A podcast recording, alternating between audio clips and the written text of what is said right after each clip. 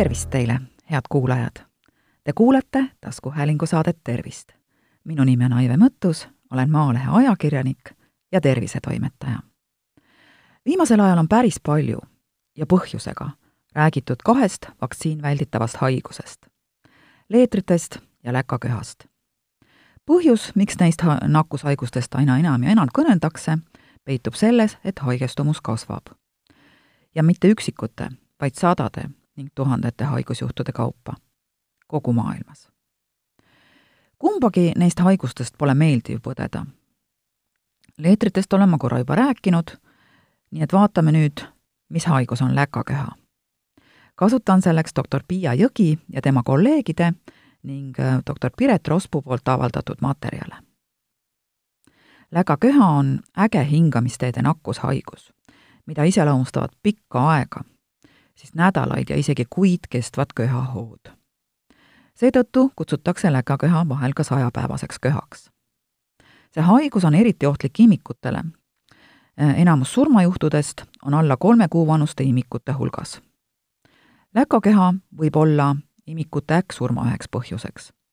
selle tüsistuseks on kopsupõletik, Grambi sündroom ja entsefalopaatia enne läkaköha vastu vaktsineerimise alustamist oli väikelaste suremus läkaköhasse umbes üks protsent.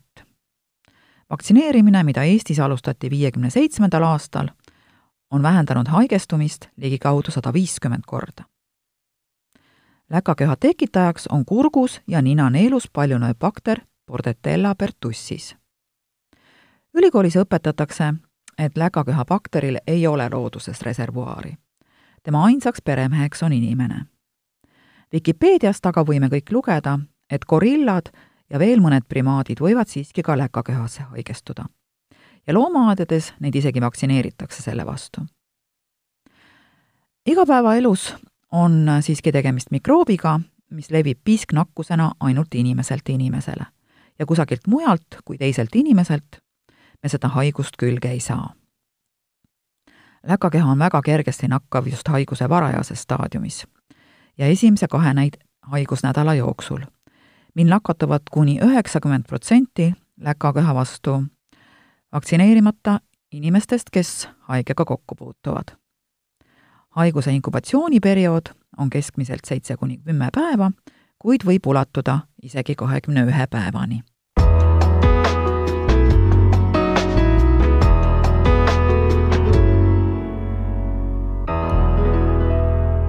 mismoodi siis läkaköha välja näeb?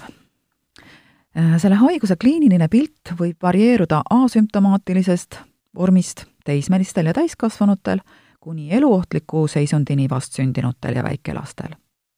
haiguse kulus eristatakse nelja perioodi. esimene on inkubatsiooniperiood, mis kestab tavaliselt umbes ühe nädala, kuid võib ulatada ka kuni kahekümne ühe päevani. kataraalne periood kestab ligikaudu üks-kaks nädalat ning sellel ajal on haige kõige nakkusohtlikum. Äh, selles perioodis esinevad sümptomid nohu, kerge palavik, kerge mitteproduktiivne köha, sarnanevad ülemiste hingamisteede kergete infektsioonidega. kõrge palaviku esinemine pole läkaköhale iseloomulik, kuna tegemist on hingamisteede epiteeli haarava lokaalse põletikuga. kataraalse perioodi jooksul köhahood järjest sagenevad ja muutuvad raskemaks läkaköha hakatakse tavaliselt kahtlustama alles haiguse paroksüsmaalses perioodis, kui tekivad tüüpilised väga, väga ägedad köhahood. väikelastele on tüüpiline köhahoo lõpus vilinaga sissehingamine ning hoog võib lõppeda ka oksendamisega. köhahood esinevad sageli just öösiti. see periood kestab tavaliselt kaks-kolm nädalat, kuid võib ulatuda ka kuni kümne nädalani paranemisperioodil, mis kestab kaks-kolm nädalat, mõnikord siiski ka mitu kuud, muutub keha ajapikku kergemaks ja taandub. haigussümptomite raskust mõjutavad patsiendi vanus, eelnev kokkupuude haigustekitaja antigeenidega, kas siis vaktsineerimise või haiguse eelneva läbipõdemise kaudu, antibiootikumide tarvitamine ja kaasuvate haiguste esinemine. läkaköha kulgeb tüüpiliste sümptomitega peamiselt vaid mittevaktsineeritud lastel seega alates vaktsineerimise aja algusest näeme kla-, läkaköha klassikalist kulgu üha harvem. vanematel lastel, teismelistel ja täiskasvanutel, kes on kas seoses vaktsineerimise või haiguse eelneva läbipõdemisega läkaköha antigeenidega kokku puutunud, avaldub haigus enamasti ebatüüpiliselt, nii üks-kaks nädalat kestva köhana. vastsündinutel ja imikutel võivad perioodilised hingamisseiskused ehk apnoed olla ainukeseks haiguse sümptomiks. lisaks on kirjeldatud neil ka korduvaid tsüanoosi ja pradükardia episoode, ehk siis äh, beebid muutuvad näost siniseks ja nende südametegevus jääb väga aeglaseks kuni kuuekümne seitsmel protsendil juhtudest võib läkakeha kulgeda ka täiesti ilma sümptomiteta kuid vaatamata sellele on inimene nakkusohtlik. läkakeha diagnoosimine tüüpiliste sümptomite järgi ei ole võimalik, kuna sarnast kliinilist pilti võivad anda ka mitmete teiste mikroorganismide põhjustatud nakkused. ka mittenatkavaid haigusi, näiteks astmat, võib olla raske läkakehast ainult kliinilise pildi järgi eristada. läkakeha vastu vaktsineeritud lastel ja täiskasvanutel on haiguse kulg kergem ja sageli ebatüüpiline maailma Terviseorganisatsiooni haigusjuhtude klassifikatsioonis eristatakse läkakeha kaht vormi. kliiniline, see on siis, kui haigusjuht vastab läkakeha kliinilisele definitsioonile, aga ei ole laboratoorselt kinnitatud.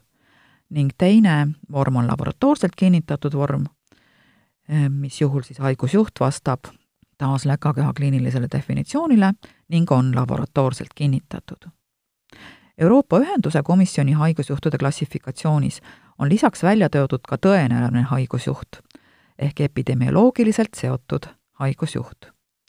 See on siis niisugune juhtum, mis vastab kliinilisele läkakeha definitsioonile ja on seotud laboratoorselt kinnitatud haigusjuhuga.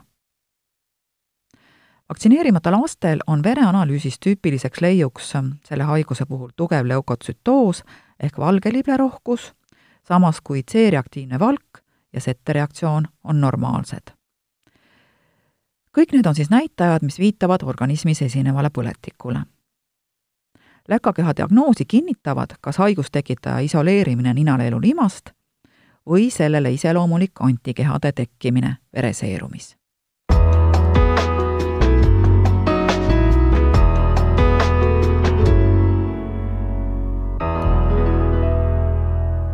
läkakeha vastu hakati Eestis lapsi vaktsineerima tuhande üheksasaja viiekümne seitsmendal aastal ning sellele järgnes oluline haigestumise langus.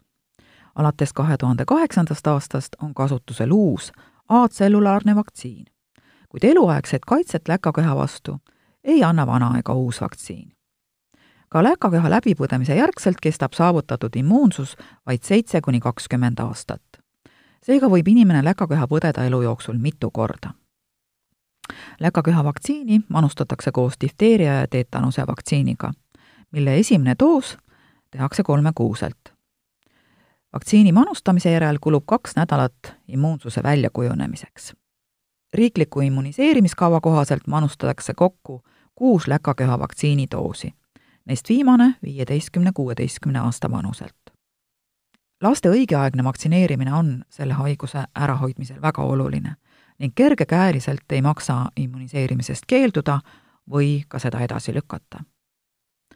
läkakeha leviku piiramiseks tuleb vältida haigega otsekontakte ja mitte lubada haiget last lasteaeda, kooli ja muusse kollektiivi nakkusohtlikul perioodil ehk siis kahekümne ühe päeva jooksul või siis vähemalt viiepäevase ravikuuri jooksul.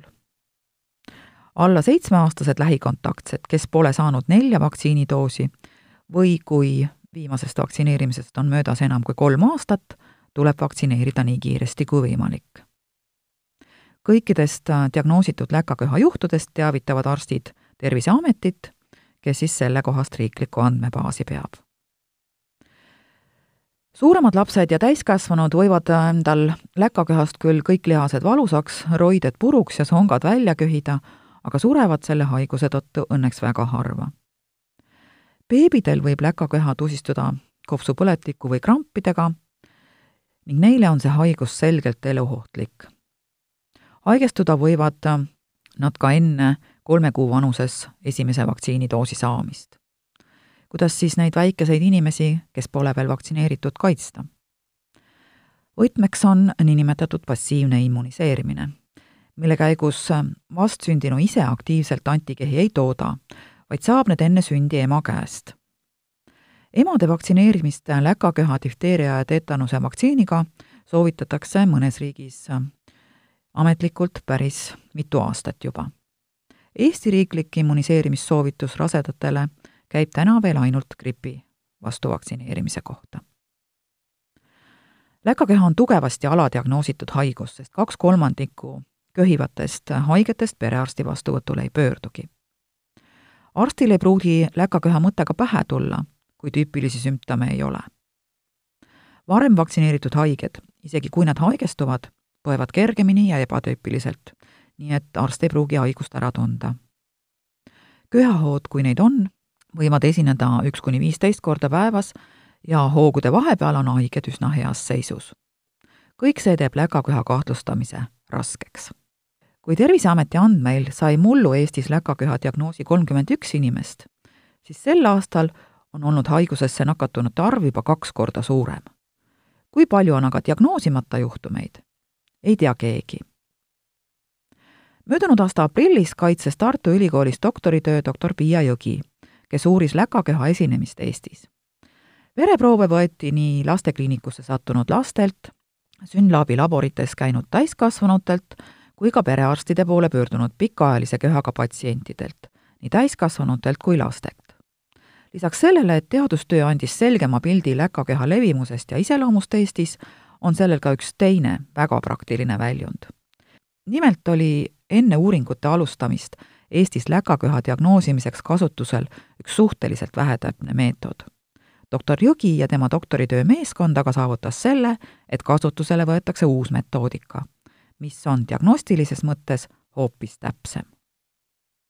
ja veel, kui te tahate läkaköha ning teiste haiguste kohta saada adekvaatset tõenduspõhist teavet, siis soovitan teil lugeda doktor Piret Rospuu blogi Sinu terve laps head kuulajad, te kuulasite taskuhäälingu saadet Tervist.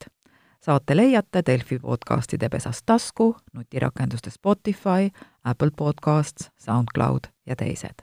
hakake jälgijaks ja kuulake just teile sobival ajal. ettepanekuid teemade kohta, mida saates käsitleda, ootan teilt e-posti aadressil tervist.maaleht.ee. minu nimi on Aive Mõttus, olen Maalehe ajakirjanik ja tervisetoimetaja. tervist teile!